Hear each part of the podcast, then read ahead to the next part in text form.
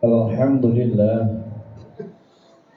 الحمد لله الذي نحمده ونستغفره ونعوذ بالله من شرور أنفسنا ومن سيئات أعمالنا من يهد الله فلا مضل له ومن يضلله فلا هادي له أشهد أن لا إله إلا الله وحده لا شريك له وأشهد أن محمدا عبده ورسوله لا نبي بعده. اللهم صل وسلم وبارك على سيدنا ومولانا محمد وعلى آله وصحبه أجمعين.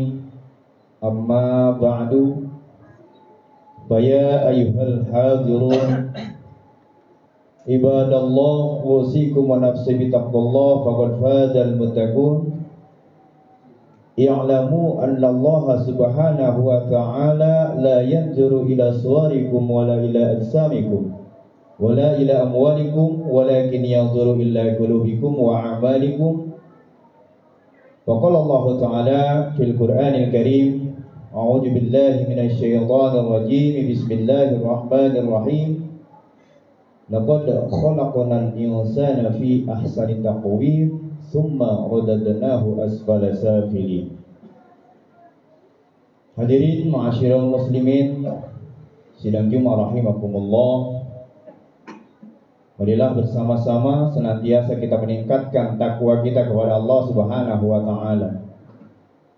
Dan selalu meningkatkan rasa syukur kita kepada Allah dengan selalu memuji namanya. Merealisasikan rasa syukur kita yaitu dengan selalu kita meningkatkan ibadah kita, meningkatkan kualitas iman dan takwa kita kepada Allah Subhanahu wa taala karena jaminan orang yang akan masuk surga yaitu surganya Allah yaitu orang-orang yang senantiasa dapat meningkatkan takwanya pada kehidupan sehari-hari. Hadirin sidang Jumat rahimakumullah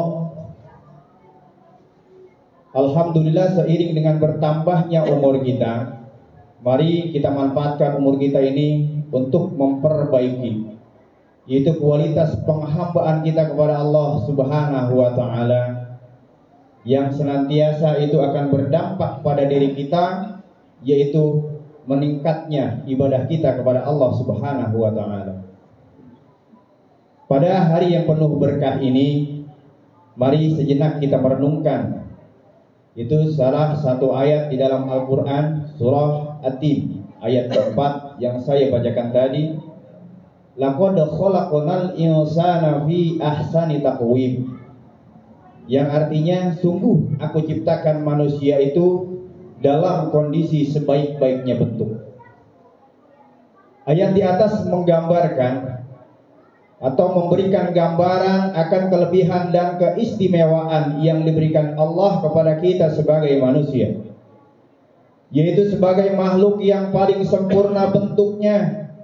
Kesempurnaan kita tidak hanya terbatas atau sebatas pada bentuk fisik kita melainkan juga Allah memberikan keistimewaan berupa akal yang berfungsi untuk membedakan mana yang baik dan mana yang buruk membedakan mana yang pantas dan mana yang tidak pantas, mana yang sah dan mana yang batil. Hadirin rahimakumullah, berkaitan dengan hal ini Al Imam Ghazali mengkategorikan makhluk Allah itu ada empat macam. Yang pertama, makhluk yang hanya mendapatkan karunia akal saja, tapi dia tidak dikaruniakan nafsu oleh Allah, yaitu malaikat. Yang kedua, makhluk yang mendapatkan karunia nafsu saja tetapi tidak dikaruniai akal. Itulah hewan. Dan yang ketiga, makhluk yang tidak dikaruniai akal, makhluk yang tidak dikaruniai, naf dikaruniai nafsu oleh Allah, yaitu kayu, batu, dan benda-benda mati lain yang lainnya. Dan kategori makhluk yang keempat adalah makhluk yang tidak dikarunia makhluk yang mendapat karunia akal dia juga mendapatkan karunia hawa nafsu yaitu kita manusia hadirin rahimakumullah akal mempunyai potensi positif. Ia akan mendorong yang siapa yang ditempatinya untuk senantiasa berbuat baik dan mencegahnya dari perbuatan-perbuatan yang tidak baik. Sementara nafsu punya potensi sangat buruk. Ia akan memprovokasi siapa saja yang ditempatinya untuk cenderung melakukan sesuatu yang menyenangkan tanpa mempertimbangkan apakah itu termasuk perbuatan baik ataupun perbuatan buruk.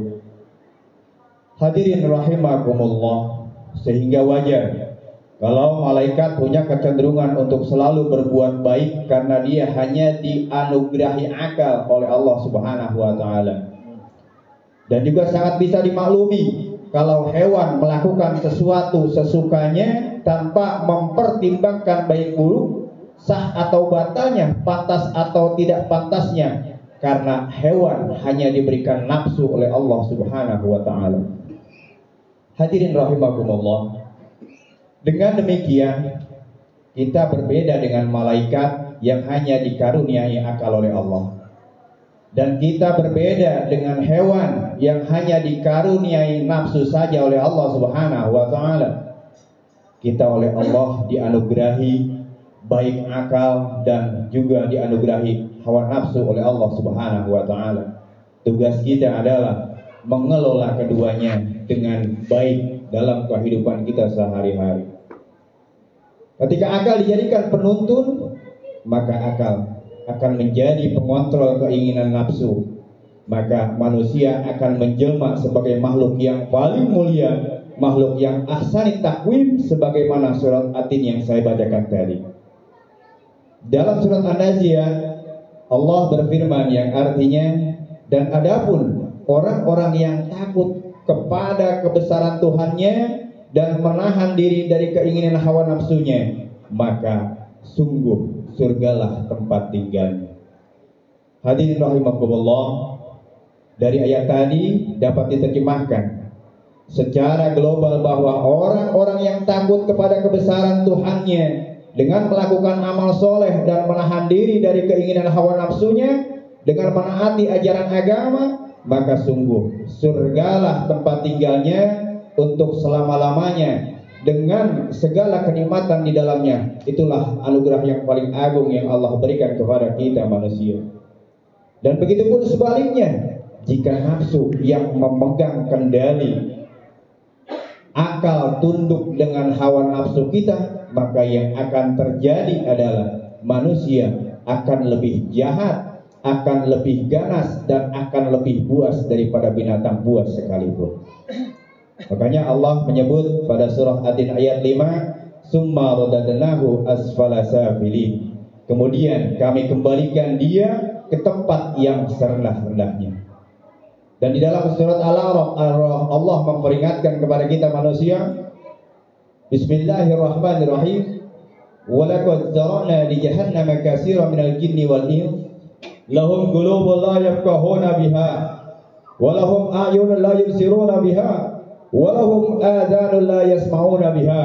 Ulaika kal an'ami bal hum adall ulaika humul ghafilun. Yang artinya dan sesungguhnya kami jadikan untuk isi neraka jahanam. Kebanyakan dari jin dan manusia. Mereka mempunyai hati tetapi tidak dipergunakannya untuk memahami ayat-ayat Allah. Dan mereka mempunyai mata tetapi tidak dipergunakannya untuk melihat tanda-tanda kekuasaan Allah dan mereka mempunyai telinga tetapi tidak dipergunakannya untuk mendengar ayat-ayat Allah. Mereka itu sebagai binatang ternak, bahkan mereka lebih sesat lagi. Mereka itulah orang-orang yang lalai. Masirul muslimin rahimakumullah. Mari senantiasa kita bersama-sama berusaha berjuang agar kita bisa mengendalikan hawa nafsu kita tidak membiarkan diri kita menuruti kata dan keinginan nafsu yang cenderung ingin berbuat tidak baik. Senang berbuat dosa, maksiat. Semoga Allah melindungi dan memberkati kita menjadi orang-orang yang ahsani takwim dan senantiasa bisa mempergunakan akal kita untuk selalu meningkatkan kualitas iman dan takwa kita kepada Allah Subhanahu wa taala. Amin ya rabbal alamin. Barakallahu lakum bil Qur'anil azim. Wa nafa'ani wa yakum bima fihi min ayatil wasiqil hakim. Wa taqabbala minni wa minkum tilawatahu innahu huwal ghafurur rahim.